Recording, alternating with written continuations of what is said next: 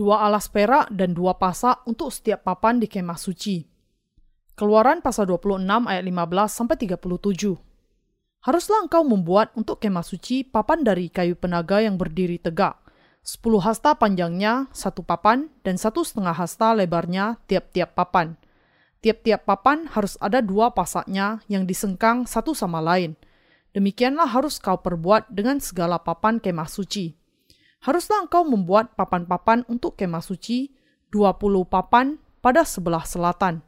Dan haruslah kau buat 40 alas perak di bawah kedua puluh papan itu, dua alas di bawah satu papan untuk kedua pasaknya, dan seterusnya dua alas di bawah setiap papan untuk kedua pasaknya. Juga untuk sisi yang kedua dari kemah suci, pada sebelah utara, kau buatlah 20 papan dengan 40 alas peraknya. Dua alas di bawah satu papan dan seterusnya dua alas di bawah setiap papan. Untuk sisi belakang kemah suci pada sebelah barat haruslah kau buat enam papan. Dua papan haruslah kau buat untuk sudut kemah suci di sisi belakang. Kedua papan itu haruslah kembar pasaknya di sebelah bawah dan seperti itu juga kembar pasaknya di sebelah atas di dekat gelang yang satu itu. Demikianlah harus kedua papan itu, haruslah itu merupakan kedua sudutnya. Jadi, harus ada delapan papan dengan alas peraknya. enam belas alas, dua alas di bawah satu papan dan seterusnya, dua alas di bawah setiap papan. Juga haruslah kau buat kayu lintang dari kayu penaga, lima untuk papan-papan pada sisi yang satu dari kemah suci, lima kayu lintang untuk papan-papan pada sisi yang kedua dari kemah suci, dan lima kayu lintang untuk papan-papan pada sisi kemah suci yang merupakan sisi belakangnya pada sebelah barat. Dan kayu lintang yang di tengah, di tengah-tengah papan-papan itu haruslah melintang terus dari ujung ke ujung. Papan-papan itu haruslah kau salut dengan emas. Gelang-gelang itu haruslah kau buat dari emas sebagai tempat memasukkan kayu-kayu lintang itu. Dan kayu-kayu lintang itu haruslah kau salut dengan emas. Kemudian haruslah kau dirikan kemah suci sesuai dengan rancangan yang telah ditunjukkan kepadamu di atas gunung itu. Haruslah kau buat tabir dari kain ungu tua dan kain ungu muda, kain kirmizi, dan lenan halus yang dipintal benangnya.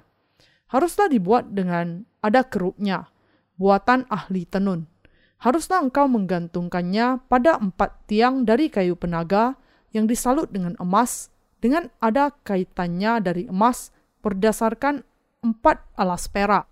Haruslah tabir itu kau gantungkan pada kaitan penyambung tenda itu, dan haruslah kau bawa tabut hukum ke sana, ke belakang tabir itu, sehingga tabir itu menjadi pemisah bagimu antara tempat kudus dan tempat maha kudus. Tutup pendamaian itu haruslah kau letakkan di atas tabut hukum di dalam tempat maha kudus. Meja itu haruslah kau taruh di depan tabir itu, dan kandil itu berhadapan dengan meja itu pada sisi selatan dari kemah suci, dan meja itu haruslah kau tempatkan pada sisi utara. Juga haruslah kau buat tirai untuk pintu kemah itu dari kain ungu tua, kain ungu muda, kain kirmizi, dan lenan halus yang dipintal benangnya, tenunan yang berwarna-warna. Haruslah kau buat lima tiang dari kayu penaga untuk tirai itu, dan kau salutlah itu dengan emas. Dengan ada kaitannya dari emas, dan untuk itu haruslah kau tuang lima alas dari tembaga. Kemah suci sendiri terbuat dari 48 buah papan, 20 buah papan masing-masing di sebelah selatan dan utara enam papan di sebelah barat dan dua papan di dua sudut bagian belakang. Masing-masing papan berukuran 4,5 meter panjangnya dan 67,5 cm lebarnya. Agar setiap papan bisa berdiri tegak, ada dua alas perak dan dua pasak yang saling dikaitkan dengan erat.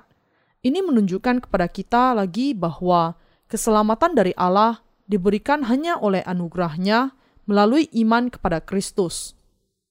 Keselamatan oleh anugerah melalui iman kepada Kristus.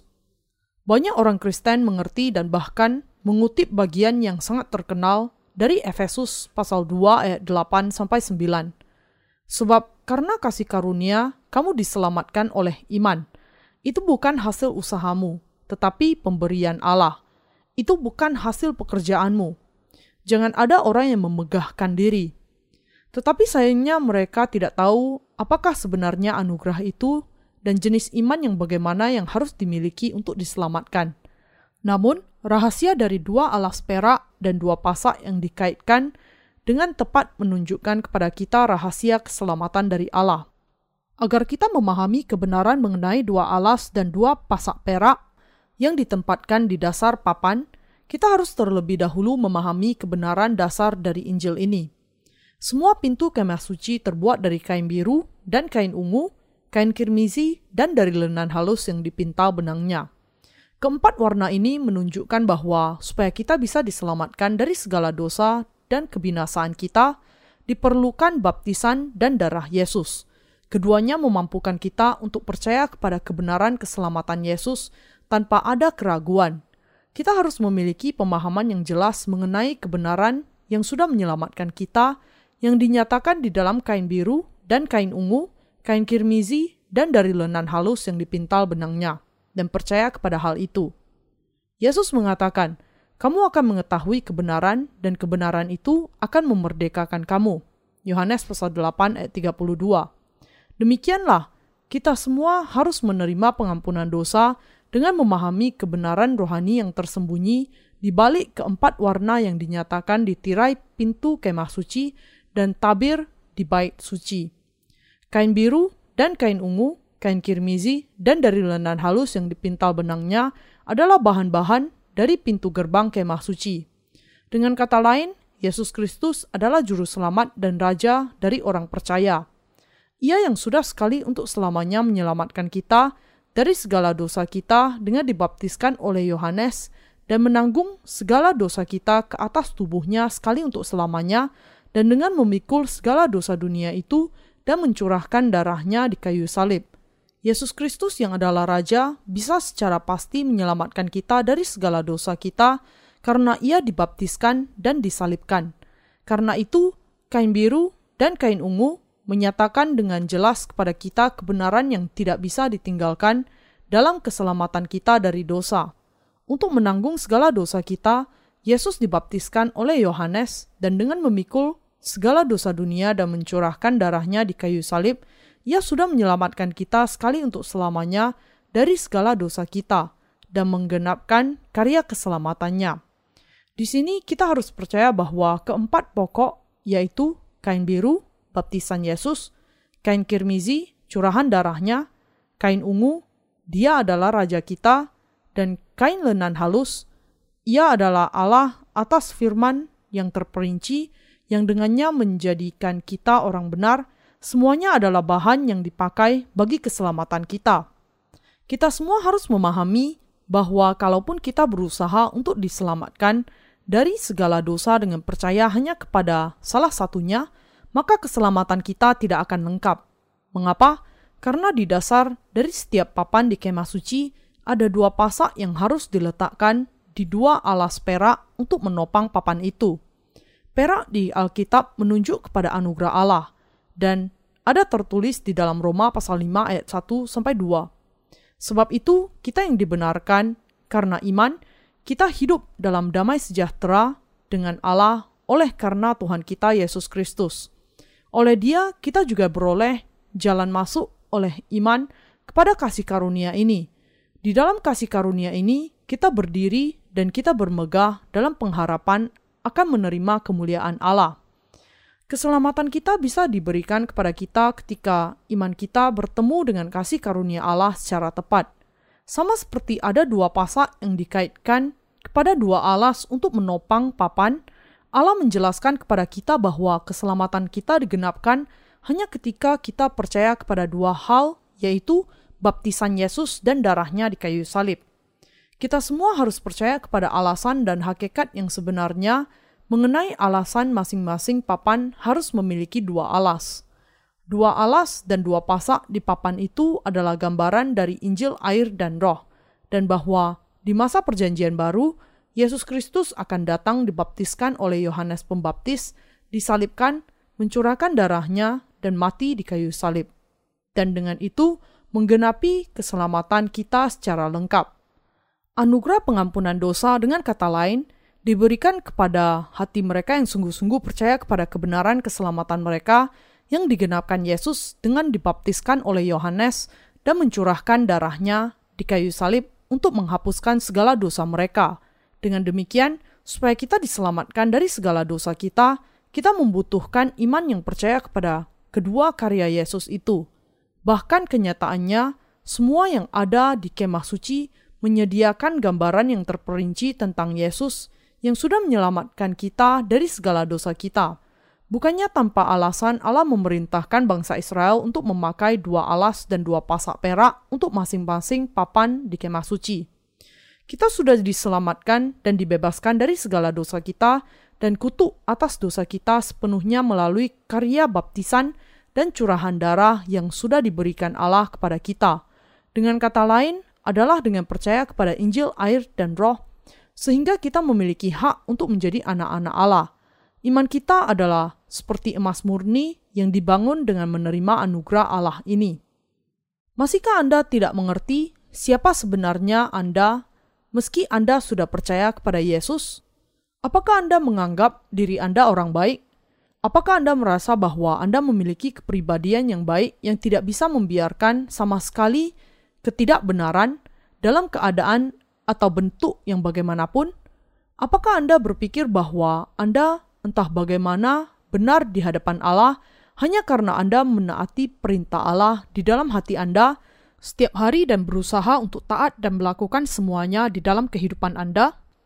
Yang kita lakukan semuanya hanyalah kepura-puraan untuk menjadi orang benar ketika kita melakukan perjinahan dan kejahatan secara pribadi. Saat ini, ratusan channel tersedia untuk menyaksikan siaran dari TV kabel atau satelit. Dengan menyiarkan 24 jam sehari, channel-channel itu menyiarkan program khusus masing-masing dan mengadakannya berulang kali. Di antara semua channel itu, yang secara komersil paling menguntungkan lebih dari semuanya adalah channel dewasa – ada banyak channel dewasa di mana segala macam bahan pornografi yang tersedia untuk disaksikan hanya dengan mengganti-ganti channel. Bagaimana dengan website porno? Tidak perlu dikatakan, banjir spam mail pornografi sekarang merajalela di dunia ini. Semua orang menyesalkan kejahatan yang ada di dalam website yang kasar itu. Tetapi ketika kita berpikir mengenai hukum kebutuhan dan penyediaan, Keberhasilan mereka hanya berarti menunjukkan bahwa tidak terhitung banyaknya orang sesungguhnya menikmati website itu secara pribadi. Keadaan ini menunjukkan kepada kita bahwa umat manusia pada dasarnya memiliki sifat jahat dan cabul. Alkitab menunjukkan bahwa hati yang berdosa dari manusia dengan menunjuk kepada percabulan, perjinahan, dan kelucahan. Allah mengatakan bahwa hal-hal itu keluar dari hati manusia dan mencemarkan mereka dan bahwa semuanya sangat jelas merupakan dosa. Tidakkah kita kemudian semua penuh dengan dosa? Allah berulang kali mengatakan bahwa keadaan di dalam diri kita sebenarnya adalah penuh dengan dosa. Tetapi apakah kita sungguh-sungguh mengakui hal ini? Bagaimana hal ini? Bisakah kita lepas dari kepemilikan dosa yang sangat mengikat kita, yang menutup mata dan juga telinga kita? Kita tidak bisa tidak melakukan segala macam dosa dengan imajinasi di dalam pikiran dan perasaan kita. Tidak peduli bagaimana kita mengatakan kepada diri kita sendiri bahwa kita harus menjauh dari dosa, dan tidak peduli bagaimana kerasnya kita berusaha untuk melakukannya. Semuanya hanya sekedar sia-sia. Pada kenyataannya, daging kita adalah sedemikian sampai kita tidak hanya tidak akan pernah bisa menjadi orang kudus yang sempurna yang tidak pernah melakukan dosa dengan kedagingan kita, tetapi kita sungguh-sungguh memiliki keterikatan dengan dosa sampai kita tidak memiliki keinginan lagi untuk menjauh dari dosa itu. Daging dan hati kita senantiasa jauh, terpisah dari hal-hal yang kudus, dan kenyataannya selanjutnya keduanya bukan hanya ingin mendekat kepada dosa, tetapi juga ingin untuk melakukan dosa yang semakin besar. Di timur, banyak orang yang belajar pengajaran Konghucu sejak mereka lahir, dan karena itu mereka berusaha sangat keras untuk melaksanakan pengajaran itu dalam kehidupan praktis. Di Barat, di lain pihak, gereja Katolik atau Kristen legalistik mendominasi wilayah keagamaannya dan banyak orang barat yang sudah berusaha keras untuk menaati seluruh hukum Allah dan berpikir bahwa mereka bisa menjadi lebih kudus dan semakin kudus selama mereka berusaha secara lebih keras lagi. Tetapi tidak peduli bagaimanapun latar belakang keagamaan mereka, ketika mereka menempatkan diri di hadapan Allah dan membuka diri sampai sebagaimana adanya, mereka yang sebenarnya, mereka hanyalah segumpal dosa dan benih pelaku kejahatan saja. Umat manusia ada di dalam ketidakbenaran, penuh dengan kecemaran dan segumpal dosa yang terbuat dari debu dan tanah. Bahkan orang-orang yang nampaknya baik, yang perbuatan baiknya bukan hanya untuk pamer, tetapi sungguh-sungguh berasal dari hati yang tulus dan yang sungguh-sungguh merasa tidak nyaman kalau menerima pujian apa pun untuk perbuatan baik mereka, tidak bisa lepas dari kenyataan bahwa ketika hakikat mereka yang sejati dinyatakan di hadapan Allah, mereka juga hanya segumpal dosa dan benih pelaku kejahatan. Karena kemunculan kebaikan manusiawi adalah kejahatan besar di hadapan Allah, manusia tidak bisa lepas dari kutuk atas dosa kecuali kalau mereka menyadari penghukuman mereka dan menerima Injil air dan roh kasih Allah. Di hadapan Allah, semua upaya manusia tidak bisa diterjemahkan sebagai kebaikan, bahkan dalam ukuran sekecil debu sekalipun, dan kehendak manusia hanyalah kekejian di hadapannya. Di dalam Alkitab, umat manusia sering dilambangkan sebagai pohon. Balok kayu penaga sendiri tidak akan bisa didirikan sebagai tiang di pintu masuk kemah suci kecuali Allah terlebih dahulu menyalutnya dengan emas. Dan tanpa anugerah keselamatan yang diberikan Allah, manusia tidak lain hanya debu yang tidak bisa tidak menghadapi penghukuman api. Namun Allah membuang segala dosa dan pelanggaran kita dengan membuat Yesus Kristus Sang Mesias menerima baptisan dan mencurahkan darah sampai mati, bahkan ketika kita masih tetap menjadi orang berdosa. Keselamatan yang demikian dinubuatkan secara terperinci oleh Raja Daud sekitar seribu tahun sebelum kedatangan Mesias. Sejauh timur dari barat, demikianlah jauhnya daripada kita pelanggaran kita. Seperti Bapa sayang kepada anak-anaknya, demikian Tuhan sayang kepada orang-orang yang takut akan Dia. Sebab Dia sendiri tahu apa kita. Dia ingat bahwa kita ini debu. Mazmur pasal 103 ayat 12 sampai 14. Sebelum kita mengerti kebenaran Allah, kebenaran manusia sudah menjadi standar bagi kehidupan kita. Saya juga sudah seperti itu ketika saya belum mengenal anugerah keselamatan dari Allah dan tidak memiliki iman kepada firman-Nya. Pada kenyataannya, saya tidak memiliki kebenaran apa pun dari diri saya sendiri, tetapi saya masih berpikir bahwa saya memiliki kelayakan. Jadi, sejak saya masih kanak-kanak, ada banyak saat di mana saya tidak bisa membiarkan ketidakadilan dan bahkan berkelahi dengan orang-orang yang lebih besar dari saya. Menjalani kehidupan yang benar adalah moto saya. Karena ini, dahulu saya gagal melihat diri saya di hadapan Allah. Saya dipenuhi dengan kebenaran saya sendiri. Jadi saya berpikir bahwa diri saya lebih baik dari orang lain dan berusaha keras untuk hidup secara benar. Tetapi makhluk yang seperti saya juga tidak lebih dari segumpal dosa di hadapan kebenaran Allah. Saya bukan orang yang bisa menaati bahkan satu saja dari dasatita atau 613 penjelasan perintah yang harus ditaati. Kenyataan bahwa saya memiliki kehendak untuk taat itu sendiri adalah tindakan kejahatan yang memberontak terhadap firman Allah yang menyatakan bahwa saya sepenuhnya tidak mampu melakukan hal lain selain dosa dan melawan Dia. Semua kebenaran manusia hanyalah kejahatan di hadapan Allah.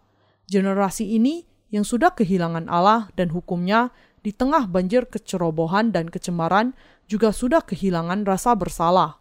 Namun, kita harus mengakui bahwa kita manusia tidak bisa tidak melakukan dosa setiap hari dan karena itu kita ditentukan masuk neraka tanpa kecuali.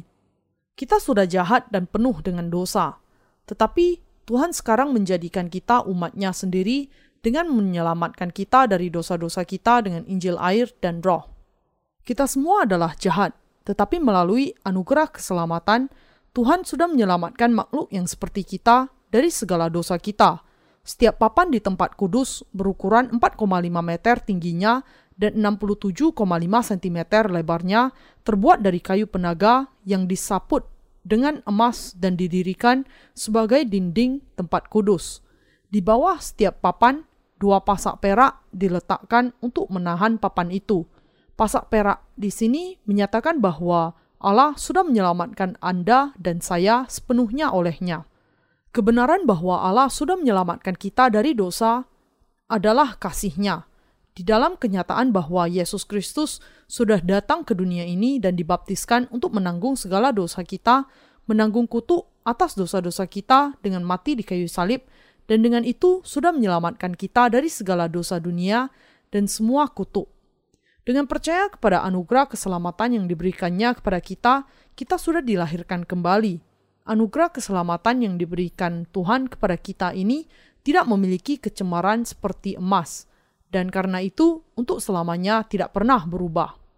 Keselamatan yang diberikan Tuhan kepada kita terbuat dari baptisan dan darah Yesus, dan keduanya sepenuhnya dan dengan tuntas menghapuskan segala dosa kita. Adalah karena Tuhan sudah menyelamatkan kita dari segala dosa kita, sehingga Anda dan saya bisa sepenuhnya dibebaskan dari segala dosa yang kita lakukan dengan pikiran, dengan perasaan, dan dengan tindakan nyata kita.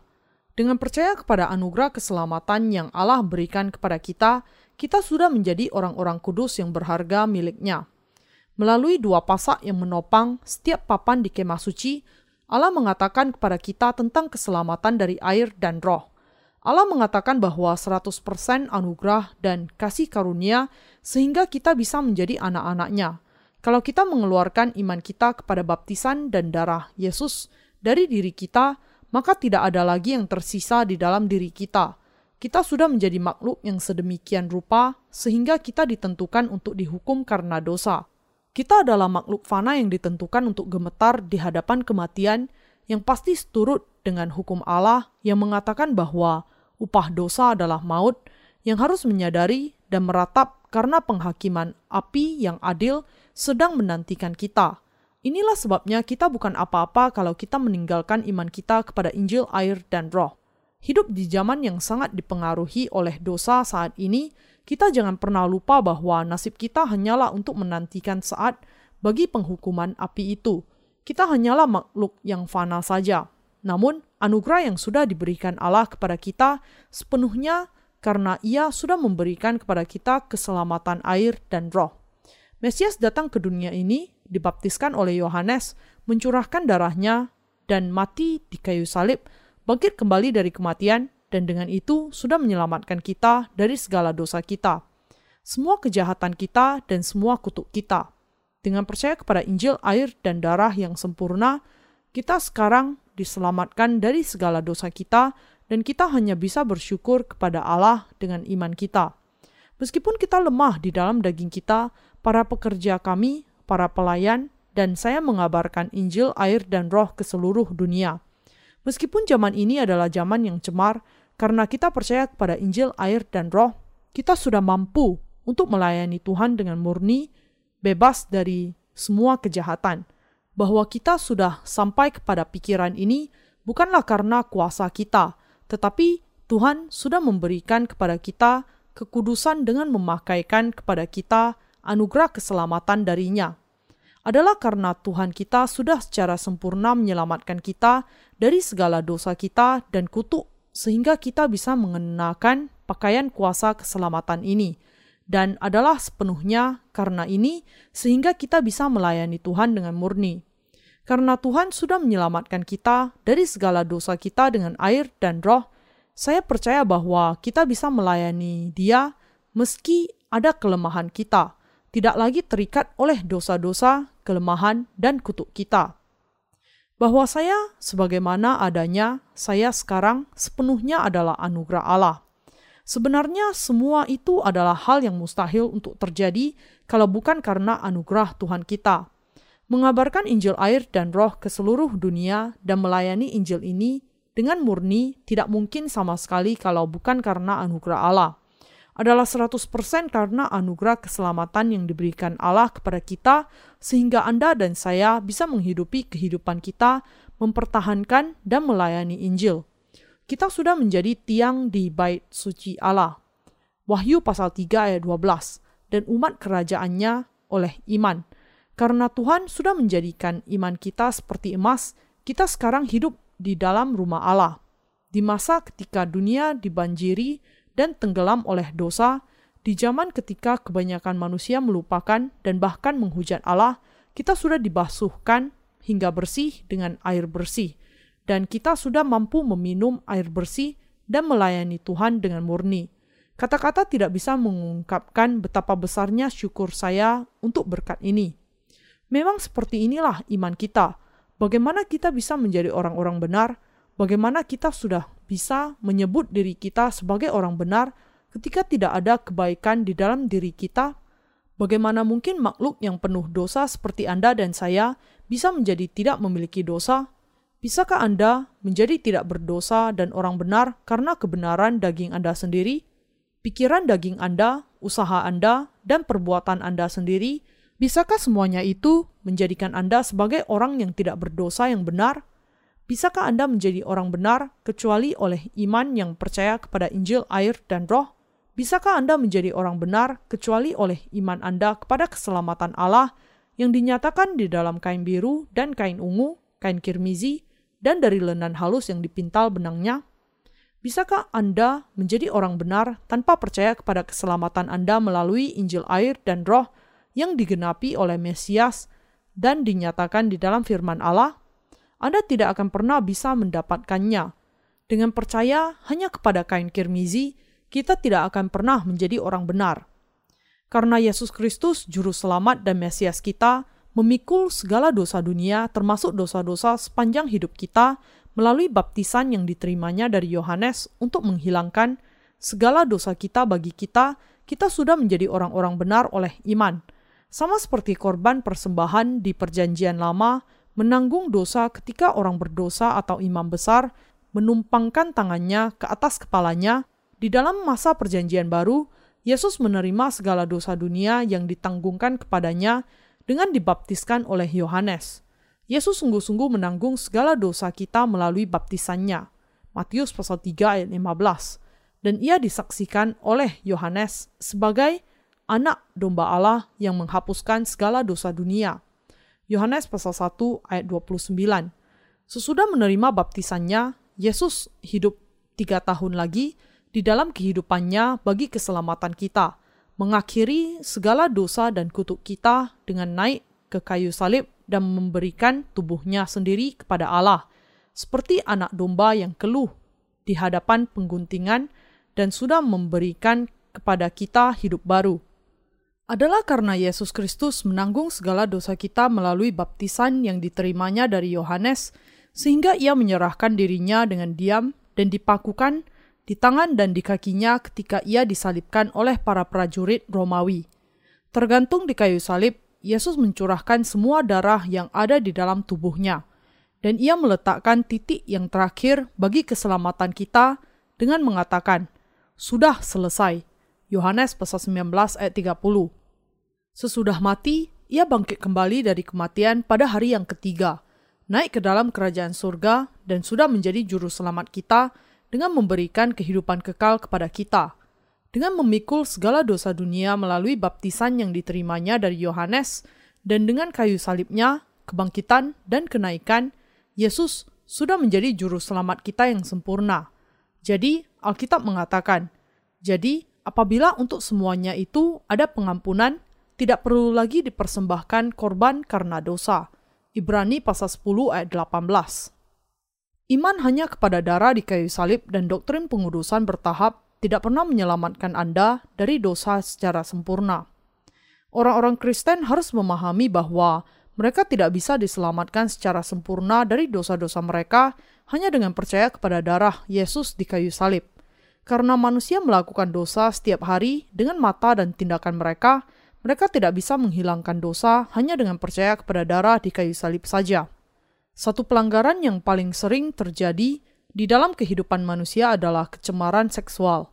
Ketika budaya seksual yang semakin bebas dan cabul semakin menyebar di dunia ini, dosa ini semakin dalam tertanam di dalam daging kita.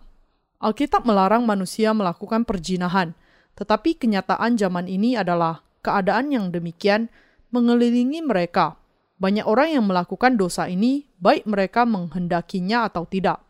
Allah menyatakan bahwa setiap orang yang melihat wanita dan muncul keinginan di dalam hatinya sudah melakukan dosa perjinahan di dalam hatinya. Matius pasal 5 ayat 28. Akan tetapi yang kita lihat setiap hari dengan mata kita adalah percabulan.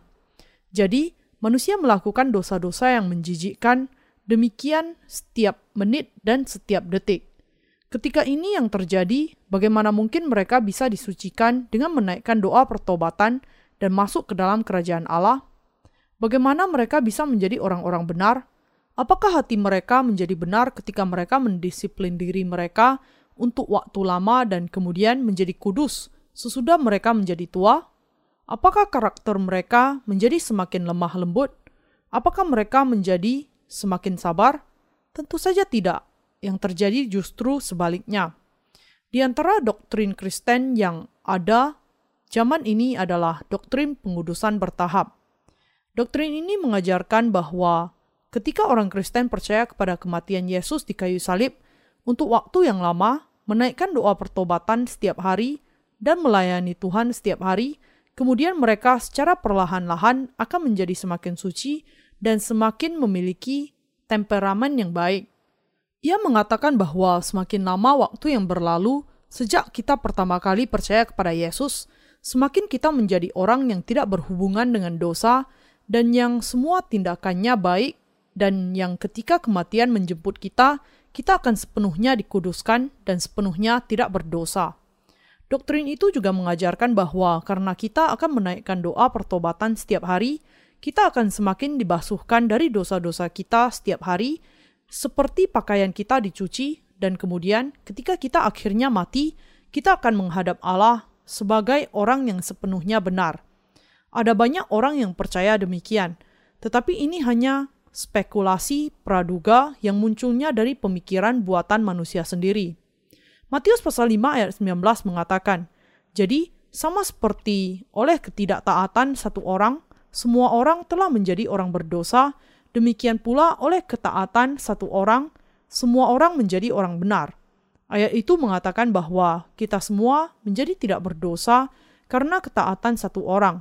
Apa yang tidak bisa Anda dan saya lakukan Yesus Kristus menyelesaikannya ketika ia secara pribadi datang ke dunia ini. Memahami dengan baik bahwa Anda dan saya tidak bisa membebaskan diri dari dosa, Yesus menebus dosa bagi kita, sesuatu yang tidak akan bisa Anda atau saya lakukan. Dengan datang ke dunia ini, menerima baptisan, disalibkan, dan bangkit kembali dari kematian, ia sudah menyelamatkan Anda dan saya serta membasuh kita dari segala dosa kita sekali untuk selamanya. Bahwa Yesus Kristus bisa memberikan keselamatan kepada umatnya melalui pengampunan dosa mereka adalah karena ia taat kepada kehendak Allah. Dengan taat kepada kehendak Allah sebagai Mesias, Yesus Kristus sudah memberikan kepada kita anugerah keselamatan melalui baptisan, kayu salib, dan kebangkitannya. Dengan memberikan anugerah keselamatan ini kepada kita, Yesus menggenapi pengampunan dosa secara sempurna, dan sekarang oleh iman kita sudah mengenakan anugerah keselamatan ini, karena Tuhan sudah memenuhi keselamatan kita dari dosa yang tidak akan pernah bisa diperoleh melalui daya upaya kita sendiri. Namun banyak orang Kristen tidak percaya kepada baptisan yang diterima Yesus, tetapi justru hanya percaya kepada darah yang dicurahkannya di kayu salib dan berusaha menjadi kudus melalui perbuatan mereka sendiri. Dengan kata lain, bahkan ketika Yesus menanggung segala dosa manusia saat dia dibaptiskan oleh Yohanes, manusia masih tidak percaya kepada kebenaran ini. Pasal 3 dari Injil Matius mengatakan bahwa hal yang pertama yang dilakukan Yesus dalam pelayanan umumnya adalah menerima baptisan dari Yohanes. Ini adalah kebenaran yang disaksikan oleh seluruh keempat penulis Injil. Yesus menanggung segala dosa kita dengan dibaptiskan oleh Yohanes Pembaptis wakil manusia dan yang terbesar di antara semua yang dilahirkan perempuan. Akan tetapi masih ada begitu banyak orang yang mengabaikan kenyataan ini dan tidak percaya kepadanya. Orang-orang yang demikian percaya kepada Yesus tanpa percaya kepada baptisannya, dan dengan tekun memuji hanya darah yang berharga di kayu salib yang dicurahkannya. Ikut merasakan derita karena kematian Yesus di kayu salib, mereka tersentuh perasaannya, membuat segala macam suara dalam pujian mereka dan berseru, "Ada kuasa ajaib di dalam darah itu. Ada kuasa, kuasa yang bekerja ajaib dari darah anak domba." Mereka berusaha untuk menghadap Allah. Dengan kata lain, dengan mendorong perasaan, semangat, dan kekuatan mereka. Tetapi Anda harus menyadari bahwa semakin mereka melakukan hal itu, semakin mereka menjadi orang munafik, berpura-pura suci, tetapi sesungguhnya mengumpulkan dosa di dalam hati mereka secara rahasia. Bagaimana mungkin kita bisa percaya kepada Yesus sebagai juru selamat kita, bahkan tanpa mengenal Injil, air, dan Roh? Ketika kita mendengar orang berbicara mengenai kemah suci, kita sering melihat bahwa mereka sama sekali tidak punya gagasan tentang apa yang sedang mereka bicarakan. Ketika sampai kepada percaya kepada kemah suci, bagaimana kita hanya percaya kepada apa yang kita anggap menyenangkan dan cocok saja? Karena keselamatan dari dosa yang digenapkan Tuhan sangat terperinci, Allah memampukan kita untuk memahami betapa terperincinya hal itu dan betapa nyatanya pemenuhan atas keselamatan kita. Melalui kemah suci, ia juga sudah membuat kita memahami bahwa Tuhan sudah menyelamatkan kita dengan kain biru dan kain kirmizi, air, dan darah. Kita sampai kepada pemahaman bahwa untuk menghapuskan segala dosa kita, Tuhan datang, bukan saja dengan air, tetapi dengan air dan dengan darah. 1 Yohanes pasal 5 ayat 6. Air, darah, dan roh yang kepadanya kita percaya adalah satu, adalah dengan menjadi manusia dibaptiskan oleh Yohanes, mati dan bangkit dari kematian sehingga Allah menyelamatkan kita. Melalui kemah suci, kita bisa menemukan dan percaya kepada gambaran keselamatan yang sangat jelas ini. Dengan menyelidiki kedua alas dan dua pasak perak untuk masing-masing papan, kita bisa memahami dengan cara apa Yesus sudah menyelamatkan kita dari segala dosa kita. Dan kita juga menemukan kebenaran bahwa kita sudah sungguh-sungguh percaya kepada pelayanan Yesus yang dinyatakan di dalam kain biru dan kain ungu dan kain kirmizi. Lepas dari Alkitab, tidak ada cara di mana keselamatan ini bisa ditemukan sumbernya. Kita memerlukan anugerah keselamatan yang terbuat dari dua unsur, yaitu baptisan dan kayu salib. Mereka yang percaya kepada kebenaran ini kemudian bisa menjadi orang-orang yang dilahirkan oleh Allah dengan diselamatkan dari segala dosa oleh air dan roh, Allah sudah menggenapi keselamatan kita secara sempurna. Dua pasak dengan kata lain dibuat di bawah masing-masing papan dan kemudian dimasukkan ke dalam kedua alas perak. Kebenaran ini sangat diperlukan dan mutlak penting bagi kita dan pengampunan dosa kita. Yang teramat sangat penting, kita harus percaya kepada keselamatan yang digenapkan Allah bagi kita – karena kalau kita tidak percaya kepada kain biru dan kain ungu dan kain kirmizi, kita tidak akan pernah diselamatkan. Karena masing-masing papan di kemah suci membutuhkan dua buah alas perak untuk bisa berdiri tegak, dua kebenaran anugerahnya mutlak diperlukan. Apakah keduanya? Keduanya adalah bahwa Yesus menanggung segala dosa kita dengan dibaptiskan dan ia menanggung segala kutuk dan hukuman dosa dengan memikul semuanya ke kayu salib dan disalibkan. Siapa saja yang dijadikan menjadi orang benar hanya bisa demikian kalau ia sepenuhnya percaya kepada kedua anugerah keselamatan yang sempurna. Iman kita kepada baptisan dan darah Yesus di kayu salib, dua inti dari anugerah keselamatannya, membuat kita bisa berdiri teguh di dalam bait Allah. Karena kedua pasak itu diletakkan ke dalam dua alas perak, masing-masing papan itu bisa berdiri tegak. Demikianlah, hanya dengan iman kita yang benar yang percaya kepada kedua inti keselamatannya, sehingga kita menjadi umatnya yang sungguh-sungguh tidak memiliki kesalahan. Dengan percaya kepada Injil, air, dan roh yang diberikan Yesus, kita menerima iman seperti emas yang untuk selamanya tidak pernah berubah. Dengan percaya kepada Injil, air, dan roh yang dinyatakan di dalam kain biru dan kain ungu, kain kirmizi, dan dari lenan halus yang dipintal benangnya, kita menjadi orang-orang kudus yang sudah menerima keselamatan pengampunan dosa yang sempurna. teologi sampai sekarang, dan masa Injil air dan roh. Kecuali di masa gereja mula-mula, sejak zaman Edip Milan pada tahun 313 Masehi, kekristenan termasuk kekristenan zaman ini sudah memberitakan Injil kayu salib yang meninggalkan baptisan Yesus. Sejak masa gereja mula-mula sampai tahun 313 Masehi yang meresmikan kekristenan sebagai agama seluruh negara Romawi secara keseluruhan, kekristenan sudah memberitakan Injil air dan roh. Tetapi sesudah itu gereja Katolik Roma muncul dan mendominasi panggung kehidupan agama. Kemudian, sejak awal abad ke-14, sebuah kebudayaan yang memusatkan semuanya kepada pemikiran manusia dan yang disebut sebagai pemulihan kemanusiaan mulai muncul. Pertama-tama di negara-negara kota yang kaya di sebelah utara Itali. Inilah yang disebut Renaissance. Pada abad ke-16, arus aliran kebudayaan yang dimulai di Italia ini berkembang ke seluruh dunia barat dan para ahli yang mempelajari humanisme, filsafat buatan manusia mulai mempelajari teologi. Menafsirkan Alkitab dengan dasar kepala mereka sendiri, mereka mulai membangun doktrin-doktrin Kristen. Tetapi karena mereka tidak mengenal kebenaran, mereka tidak memahami Alkitab dengan baik dan benar. Jadi, apa yang tidak bisa mereka pahami dengan kepala mereka, mereka mengatasinya dengan menggabungkan pemikiran dan pengetahuan sekuler mereka yang menghasilkan doktrin Kristen mereka sendiri. Sebagai akibatnya, begitu banyak doktrin dan teologi Kristen muncul di dalam sejarah Kristen. Lutheranisme, Calvinisme, Arminianisme, teologi baru, konservatisme, rationalisme, teologi kritis, teologi mistis, teologi pembebasan, teologi feminis, teologi hitam, dan bahkan teologi ateis, dan lain-lain. Sejarah kekristenan nampaknya sudah sangat panjang, tetapi sebenarnya tidaklah sepanjang itu. Selama 300 tahun sejak masa gereja mula-mula, orang bisa belajar tentang Alkitab, tetapi ini kemudian diikuti oleh abad pertengahan, abad kegelapan kekristenan. Pada zaman ini, bahkan bagi orang awam yang membaca Alkitab dianggap sebagai sebuah kejahatan yang bisa dijatuhi hukuman penggal kepala.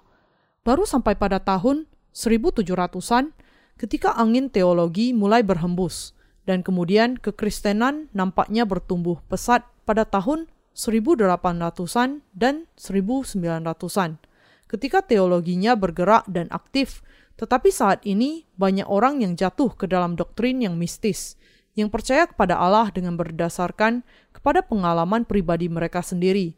Tetapi meski ada perbedaan teologi, cabang-cabang di dalam kekristenan memiliki satu pemersatu di dalam iman, yaitu percaya hanya kepada darah Yesus. Tetapi apakah ini kebenaran? Kalau Anda percaya kepada cara demikian, apakah dosa-dosa Anda akan dilenyapkan? Anda melakukan dosa setiap hari. Anda melakukan dosa setiap hari dengan hati, tindakan, dan kelemahan. Bisakah Anda ditebus dari dosa-dosa itu hanya dengan percaya kepada darah yang Yesus curahkan di kayu salib bahwa Yesus memikul dosa-dosa kita dengan dibaptiskan dan mati di kayu salib adalah kebenaran Alkitabiah. Tetapi masih ada banyak orang yang mengatakan bahwa dosa-dosa mereka ditebuskan dengan percaya hanya kepada darah di kayu salib dan memberikan doa pertobatan setiap hari. Apakah dosa-dosa di hati dan hati nurani dibasuhkan dengan menaikkan doa pertobatan yang demikian? Itu mustahil. Kalau Anda adalah orang Kristen, maka Anda harus memahami dan percaya kepada kebenaran keselamatan ini bahwa Yesus Kristus datang ke dunia dan menanggung segala dosa dunia dengan dibaptiskan oleh Yohanes. Meskipun demikian, apakah Anda masih mengabaikan kebenaran ini, bahkan tidak pernah berusaha memahaminya atau mempercayainya? Kalau demikian, Anda melakukan dosa menghina Yesus dan merendahkan serta meremehkan namanya, dan Anda tidak bisa mengatakan bahwa Anda sungguh-sungguh percaya kepada Yesus sebagai juru selamat Anda. Dengan meninggalkan baptisan Yesus dari keselamatan yang dipenuhi oleh Yesus Kristus dan percaya kepadanya dengan cara kehendak hati Anda, Anda tidak akan pernah mengenakan kasih karunia keselamatan. Tetapi banyak orang Kristen tidak percaya kepada kebenaran sebagaimana adanya, bahwa Yesus menghapuskan segala dosa kita tetapi justru mengikuti pikiran mereka sendiri dan percaya kepada kebenaran yang diputar balikkan sekehendak hati mereka. Saat ini, hati mereka sudah semakin dikeraskan oleh iman doktrinal mereka yang keliru, percaya bahwa dosa bisa dihapuskan hanya dengan percaya kepada darah di kayu salib saja. Tetapi jawaban atas keselamatan yang direncanakan oleh Allah adalah demikian. Kita bisa menerima pengampunan dosa yang kekal dengan percaya kepada baptisan Yesus kematiannya di kayu salib, dan kebangkitannya. Tetapi kemudian muncul orang tidak terhitung banyaknya yang percaya kepada Yesus dengan membuang baptisannya dari kebenaran keselamatan, salah paham dan salah percaya kepada rumus ini dan menganggapnya sebagai hukum yang tidak berubah. Yesus, kayu salib dan kebangkitannya, tambah doa pertobatan, tambah perbuatan baik, adalah keselamatan yang diterima melalui pengudusan bertahap. Mereka yang percaya kepada hal itu hanya berkata di bibir bahwa mereka sudah menerima pengampunan dosa. Namun kebenarannya adalah bahwa hati mereka masih penuh dengan timbunan dosa yang masih belum terselesaikan. Apakah Anda masih memiliki dosa di dalam hati Anda?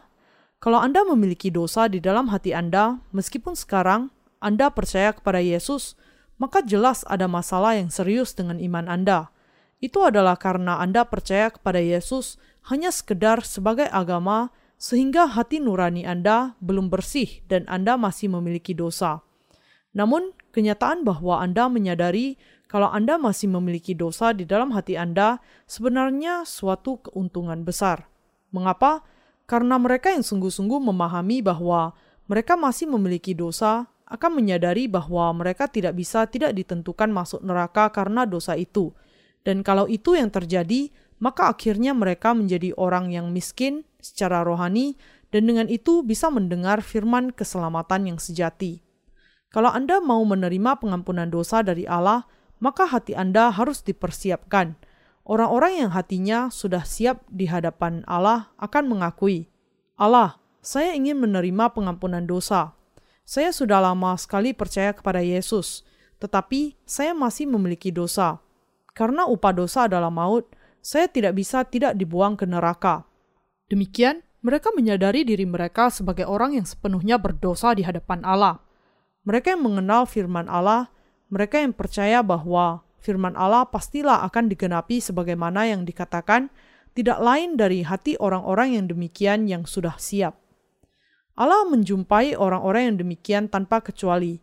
Orang-orang yang demikian mendengar firman-Nya, melihat firman dengan mata mereka sendiri dan meneguhkannya, dan dengan itu mereka sampai kepada pemahaman.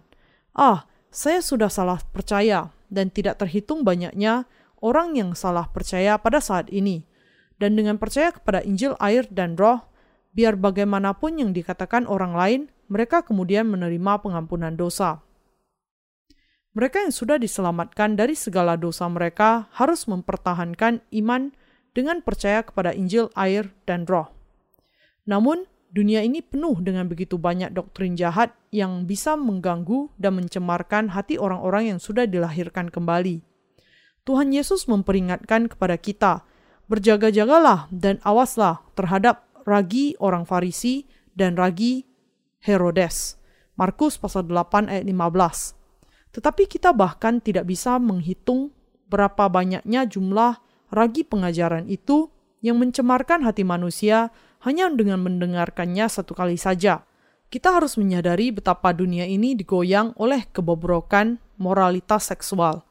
Kita yang percaya harus tahu dengan sungguh-sungguh di zaman yang bagaimana kita sekarang ini hidup dan mempertahankan iman kita. Tetapi bahkan ketika kita hidup di zaman yang penuh dosa ini, hati kita memiliki kebenaran yang tidak tergoyahkan bahwa Tuhan sudah menyelamatkan kita dari segala dosa kita. Firman kesaksian yang memberikan kesaksian akan keselamatan yang tidak berubah itu adalah Injil, air, dan Roh. Kita harus memiliki iman kepada kebenaran yang tidak akan goyang oleh dunia ataupun terbawa olehnya. Tidak semua yang berasal dari dunia ini adalah kebenaran Allah mengatakan bahwa orang-orang benar akan mengalahkan dunia. Adalah dengan iman mereka kepada Injil kebenaran yang tidak berubah, orang-orang benar bisa mengalahkan iblis dan mengalahkan dunia. Meskipun mereka memiliki kelemahan, hati kita, pikiran kita, dan tubuh kita masih ada di bait Allah dan berdiri teguh di dalam Injil keselamatan dengan iman. Kita berdiri kokoh di dalam Injil air dan darah yang dengannya Tuhan sudah menyelamatkan kita. Karena hal ini, kita sangat bersyukur kepada Allah. Tidak peduli betapa dosa berlimpah di dalam dunia ini, Paling tidak, kita orang-orang benar sungguh-sungguh memiliki hati nurani yang tidak bernoda, yang bercahaya seperti emas di dalam hati kita. Kita orang-orang benar akan menghidupi kehidupan yang menang atas dunia ini dengan iman ini. Sampai hari kedatangan Tuhan dan bahkan saat kita ada di dalam kerajaannya, kita semua akan memuji iman ini. Kita akan selama-lamanya memuji Tuhan yang menyelamatkan kita dan memuji Allah kita yang memberikan iman ini kepada kita. Karena iman kebenaran yang kita miliki ini di hadapan Allah didirikan di atas batu karang, ia tidaklah goyah oleh keadaan apa pun. Dengan demikian, tidak peduli apa pun yang terjadi kepada kita saat kita hidup di dunia ini, sampai hari ketika kita berdiri di hadapan Tuhan, kita akan mempertahankan hati kita oleh iman. Bahkan kalaupun seluruh isi dunia ini dibinasakan, Meskipun dunia ini tenggelam di dalam dosa, dan bahkan meski dunia ini keadaannya lebih buruk dibandingkan dengan Sodom dan Gomora di zaman dahulu, kita tidak akan mengikuti dunia ini.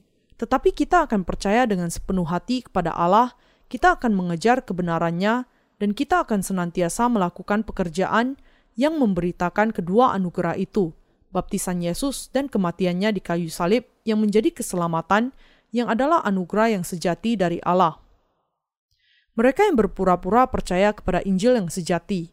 Beberapa orang, meskipun mereka tidak sungguh-sungguh memahami Injil air dan roh, berpura-pura percaya kepada kebenaran kain biru dan kain ungu dan kain kirmizi. Tetapi kita bisa melihat bahwa orang-orang yang demikian memiliki dosa di dalam hatinya karena tidak percaya kepada Injil air dan roh secara tulus. Mereka seperti orang yang kehilangan mata kapak besinya yang ia pinjam dari tetangganya karena jatuh ke dalam air. Dua Raja pasal 6 ayat 5. Dengan cara yang hampir sama, bisa terjadi karena kebutuhan mendesak, beberapa orang memanfaatkan Injil air dan roh untuk sementara waktu.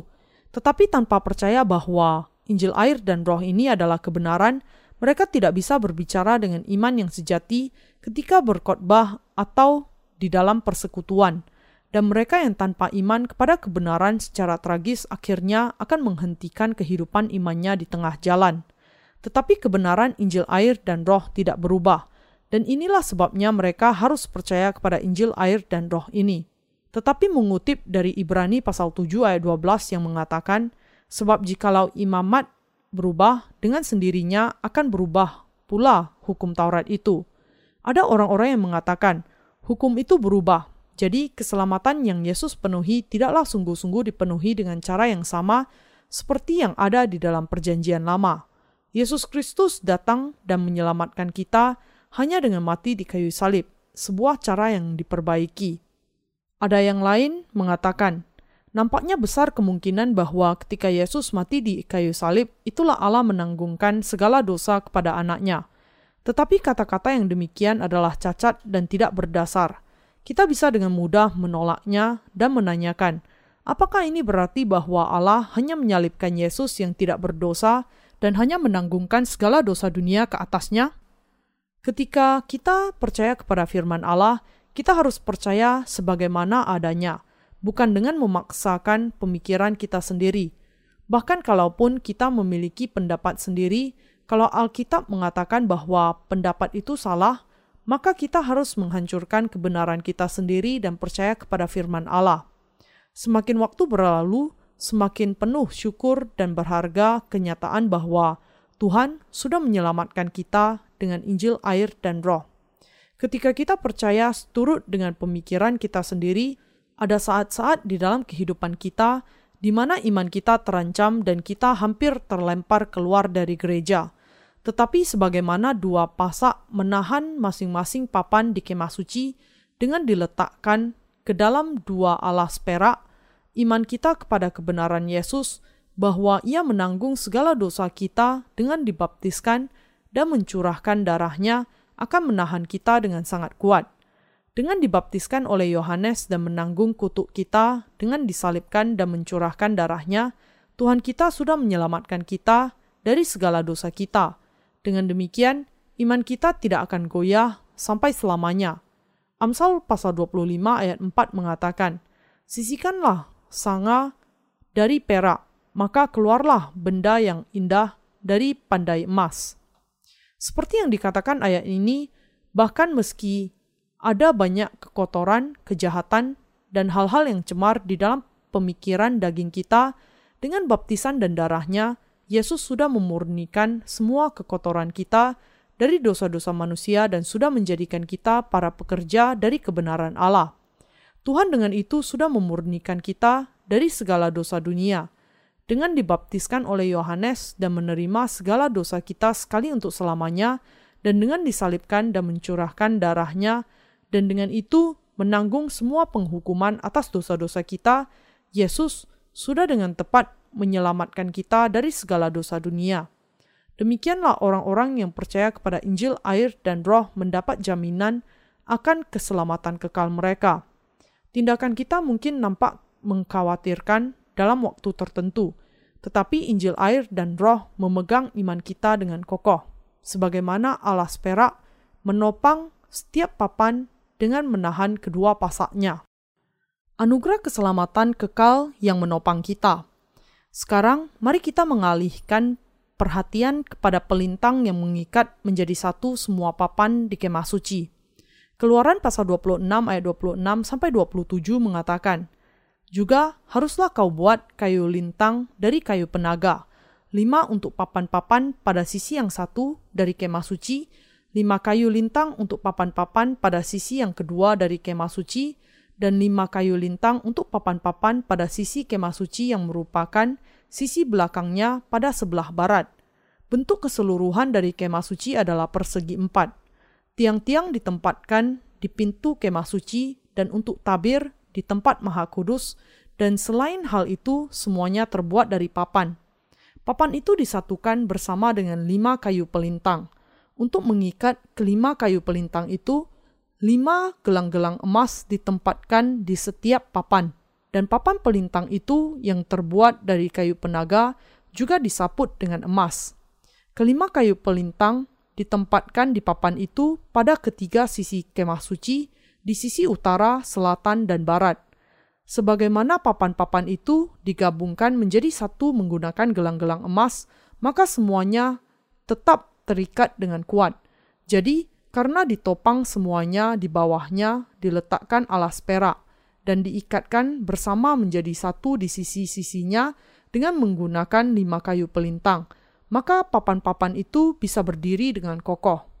Dan sebagaimana 48 papan itu diikat oleh lima kayu lintang yang saling menopang, umat Allah juga diikat bersama dengan Allah dengan Injil air dan roh. Gereja Allah adalah tempat di mana mereka yang sudah menerima anugerah keselamatan dari air dan roh berkumpul bersama dan menghidupi kehidupan iman mereka. Yesus mengatakan kepada Petrus bahwa ia akan membangun gerejanya di atas batu karang. Matius pasal 16 ayat 18 sampai 19. Dengan demikian, tempat di mana kerajaan Allah dibangun adalah dibentuk dengan mengumpulkan orang-orang yang sudah menerima pengampunan dosa adalah gereja Allah Allah menunjukkan kepada kita bahwa Ia sudah menyelamatkan kita sepenuhnya dari dosa dunia dengan karya Yesus yang dinyatakan di dalam kain biru dan kain ungu dan kain kirmizi. Keluaran pasal 26 ayat 28 mengatakan, dan kayu lintang yang di tengah, di tengah-tengah papan-papan itu haruslah melintang terus dari ujung ke ujung. Kayu lintang ini dibuat cukup panjang untuk mengikat semua papan di satu sisi sekaligus. Apa kemudian makna dari kayu lintang yang dipasang di tengah-tengah papan melintang dari ujung ke ujung? Ini berarti bahwa orang-orang benar saling bersatu dan bahwa iman mereka saling bersekutu. Dengan kata lain, dengan percaya kepada keselamatan yang digenapi melalui Injil air dan roh oleh Tuhan, mereka bisa saling bersekutu dengan sesamanya di dalam iman. Orang-orang benar bertemu muka dengan muka melalui iman mereka. inilah sebabnya ketika kita bertemu dengan sesama orang-orang kudus dan bersekutu dengan mereka, kita bisa sungguh-sungguh merasakan persekutuan itu di dalam hati kita. Satu iman, satu baptisan, dan satu Allah. Mari kita membuka Efesus pasal 4 ayat 3 sampai 7. Dan berusahalah memelihara kesatuan roh oleh ikatan damai sejahtera, satu tubuh dan satu roh, sebagaimana kamu telah dipanggil kepada satu pengharapan yang terkandung dalam panggilanmu, satu Tuhan, satu iman, satu baptisan, satu Allah, dan Bapa dari semua, Allah yang di atas semua dan oleh semua dan di dalam semua tetapi kepada kita masing-masing telah dianugerahkan kasih karunia menurut ukuran pemberian Kristus. Rasul Paulus menjelaskan kepada kita untuk berusaha memelihara kesatuan roh oleh ikatan damai sejahtera. Baptisan Yesus dan kayu salib ketika kita menerima anugerah keselamatan yang terbuat dari kedua hal itu, maka damai sejahtera akan datang di dalam hati kita. Ketika kita menerima pengampunan dosa di dalam hati kita, Kemudian kita menjadi satu keluarga dengan Kristus. Kita kemudian singkatnya menjadi satu tubuh, satu Tuhan. Yesus Kristus yang menyelamatkan kita adalah satu, satu iman. Apa yang Anda percayai? Anda percaya kepada keselamatan air dan darah Yesus dan Roh yang dinyatakan di dalam kain biru dan kain ungu, kain kirmizi, dan dari lenan halus yang dipintal benangnya. Satu baptisan, Rasul Paulus menekankan sekali lagi tentang baptisan Yesus. Ia tidak menyebut tentang kayu salib di sini, tetapi justru menekankan tentang baptisan Yesus yang membasuhkan semua orang percaya tanpa syarat. Bagi kita untuk percaya kepada baptisannya berarti kita dibaptiskan ke dalam Kristus dan dengan itu dipersatukan dengan Kristus. Galatia pasal 3 ayat 27. Satu Allah, Allah itu satu. Allah ini sudah menyelamatkan kita dengan mengutus anaknya. Semua hal ini menunjuk kepada satu iman kepada air, darah, dan roh. 1 Yohanes pasal 5 ayat 8 adalah ketika kita memiliki iman kepada Injil, air, dan roh bahwa hati kita bisa saling bersekutu. Mereka yang sudah menerima pengampunan dosa bisa saling bertemu muka dengan muka. Mungkin ada saat di mana mereka tidak bisa sepenuhnya saling memahami, tetapi sebagaimana kayu lintang diletakkan melintang di tengah-tengah papan dari ujung ke ujung, kalau mereka sungguh-sungguh sudah menerima pengampunan dosa di dasar hati mereka, maka mereka akan bisa saling bersekutu. Saudara ini juga sudah diselamatkan dari segala dosa, tetapi dagingnya lemah dan ada beberapa sisa kedagingan di dalam hatinya. Sebagaimana semua orang lain, ia juga benih pelaku kejahatan, tetapi Tuhan masih menebus dosa-dosanya dengan Injil air dan roh. Demikianlah mereka bisa saling memahami dan kemudian memuji Tuhan.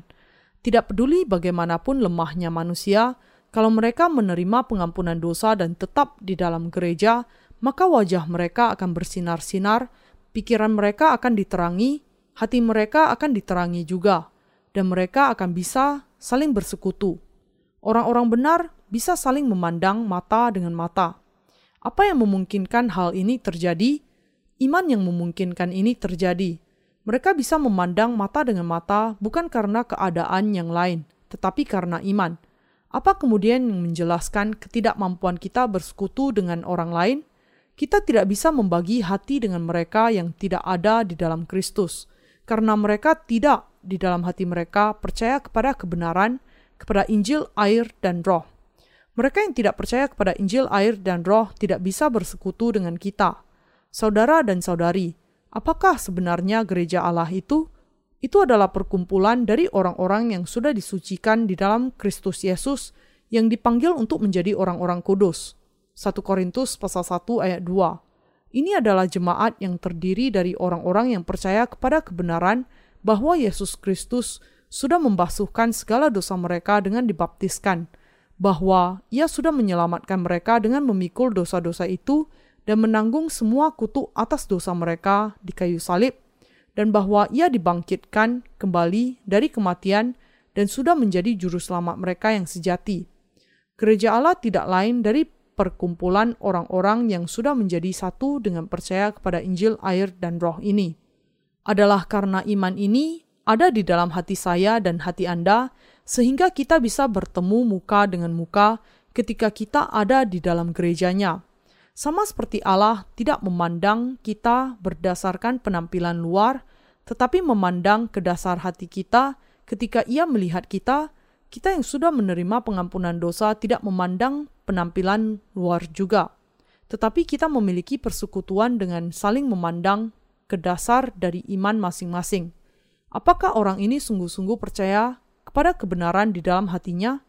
Inilah yang kita cari.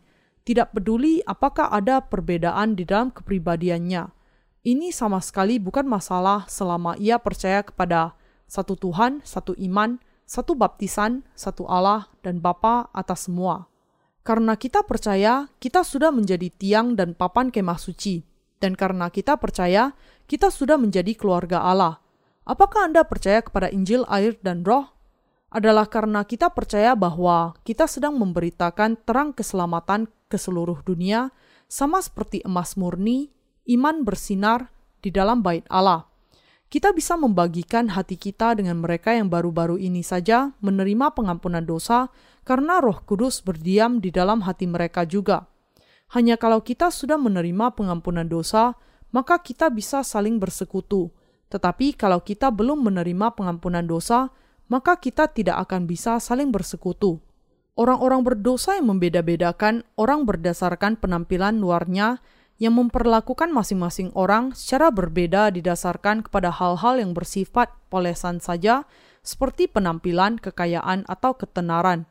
Tetapi kita orang-orang benar tidak akan melakukan hal itu di dalam hati kita. Tidak ada diskriminasi bagi orang-orang benar. Ketika orang pertama kali menerima pengampunan dosa, saya sering bertanya kepada mereka, "Sudahkah Anda sungguh-sungguh menerima pengampunan dosa? Apakah Anda masih memiliki dosa?" Atau apakah segala dosa Anda sudah dilenyapkan? Dan juga pasti Anda memiliki banyak pertanyaan tentang Alkitab, bukan? Tanyakan semuanya pada saatnya seiring dengan kehidupan iman Anda. Juga kelemahan Anda akan dinyatakan dan kemungkinan Anda akan melakukan kesalahan. Tetapi para pemimpin dan mereka yang mendahului Anda di dalam gereja akan menolong Anda, sehingga segala sesuatu akan berjalan dengan baik. Saudara dan saudari, kita orang-orang benar membutuhkan gereja. Kemah suci juga berarti gereja Allah. Mereka yang tidak percaya kepada air dan darah tidak akan bisa datang ke dalam gereja Allah dan berdiam di sana. Mereka yang tidak percaya kepada Injil, air, dan roh yang dinyatakan di dalam kain biru dan kain ungu dan kain kirmizi tidak akan bisa datang ke gerejanya dan berdiam di sana. Hanya mereka yang percaya kepada kebenaran ini yang bisa berdiam di dalam gereja, menjadi umat Allah dan pekerjanya, dan juga melihat kemuliaan Allah. Itu bukan hanya melalui darah atau beberapa syarat kedagingan yang membuat manusia bisa menjadi anak-anak Allah. Tidak peduli bagaimana wibawa seorang pendeta, kalau mereka tidak percaya kepada Injil, air, dan Roh, maka mereka bukanlah anak-anak Allah. Yesus yang datang dengan air dan darah sudah menyelamatkan kita secara sempurna. Apa yang Tuhan lakukan ketika Ia datang ke dunia bisa disimpulkan dalam kelahiran, baptisan, curahan darahnya, dan kebangkitannya. Yesus sudah menggenapi misinya dengan pelayanannya berupa kain biru dan kain ungu dan kain kirmizi.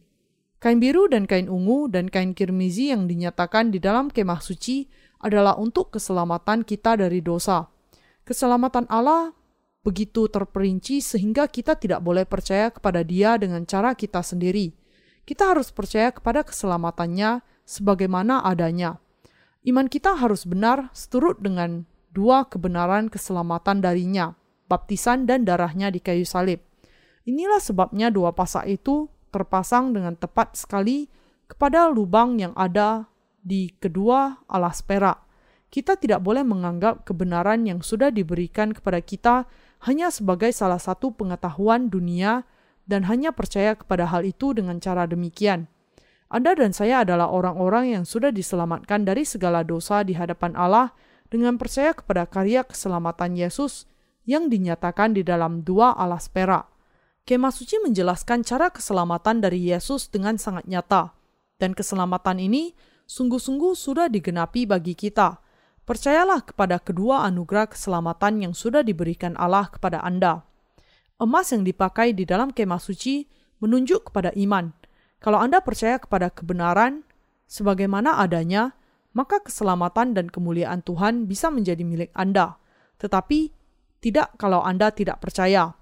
Apakah Anda ingin hidup di dalam kemah suci oleh iman, mengenakan kemuliaan Allah dan terlindungi olehnya atau Anda ingin dikutuk selama-lamanya dengan terus berada di dalam ketidakpercayaan?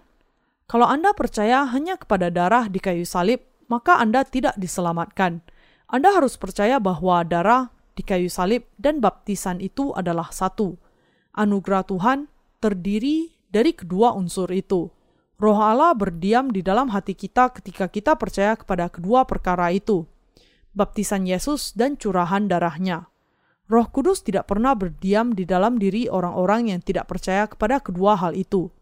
Kalau Anda mengakui iman Anda hanya dengan bibir Anda, tetapi Anda tidak percaya di dalam hati Anda, dan kalau pemahaman Anda tidak lain hanya sekedar dari latihan intelek semata, maka Anda tidak akan pernah diselamatkan. Untuk diselamatkan, Anda harus pertama-tama menarik garis batas yang tegas yang menetapkan daerah keselamatan Anda. Sampai saat ini saya belum diselamatkan. Keselamatan yang saya percaya sekarang bukan yang sebenarnya, tetapi dengan percaya kepada Yesus yang sudah datang dalam air dan darah, sekarang saya sudah diselamatkan. Manusia hanya bisa menjadi benar kalau mereka terlebih dahulu menjadi orang berdosa paling tidak satu kali. Mereka harus mengakui bahwa mereka tidak diselamatkan mereka ditentukan untuk dihukum atas dosa-dosa mereka dan kemudian diselamatkan secara sempurna satu kali dengan percaya kepada Injil, air, dan roh. Dengan kain biru dan kain kirmizi, baptisan, dan darah Yesus, kita harus menerima keselamatan kita yang sempurna. Dengan baptisan dan darahnya, Tuhan sudah memberikan kepada kita anugerah keselamatan yang sempurna. Untuk mencegah kita percaya hanya berdasarkan pemikiran kita saja, Tuhan sudah menyatakan keselamatan ini secara terperinci melalui kemah suci juga. Karena keselamatan ini begitu berharga dan sempurna, maka layak bagi semua orang untuk menjadi percaya. Jangan percaya hanya kepada salah satu aspek dari keselamatannya, darah di kayu salib, tetapi percaya kepada keduanya, baptisan dan darahnya di kayu salib sekaligus. Kalau ada di antara mereka yang belum diselamatkan, maka harapan saya yang tulus adalah bahwa ia akan diselamatkan melalui percaya, bahkan sekarang ini juga melalui kebenaran ini. Apakah ada orang yang demikian di antara kita? Selalu ada saja kemungkinannya, tetapi pengharapan saya adalah bahwa kemungkinan ini tidak akan pernah terjadi di antara kita. Tidak peduli apa pun yang terjadi, saya tidak boleh termasuk dalam kumpulan orang yang belum diselamatkan kita adalah orang-orang yang sudah diselamatkan secara sempurna dengan percaya kepada kedua hal itu, kain biru dan kain kirmizi, yaitu baptisan dan darah Yesus. Saya bersyukur kepada Allah atas kedua anugerah keselamatan yang melaluinya Tuhan sudah menyelamatkan saya. Karena Allah sudah menggenapi keselamatan saya secara sempurna, saya sudah dibebaskan dari kutuk dan penghukuman juga. Sesungguhnya keselamatan kita yang sudah datang dalam kain biru dan kain kirmizi adalah begitu berharga, tidak bisa terkatakan. Ingat dan percayalah bahwa keselamatan Anda dijadikan sempurna bukan hanya oleh darah di kayu salib atau hanya oleh baptisan Yesus, tetapi oleh keduanya, baptisan dan darah di kayu salib, dan bahwa hanya dengan percaya kepada keduanya Anda bisa menjadi anak-anak Allah kita sudah menerima kehidupan kekal dengan percaya kepada firman Injil air dan roh, rahasia yang tersembunyi di balik kedua pasak dan dua alas perak untuk papan-papan di kemah suci. Saya menaikkan syukur saya kepada Tuhan kita yang sudah menyelamatkan kita dari segala dosa dunia. Haleluya!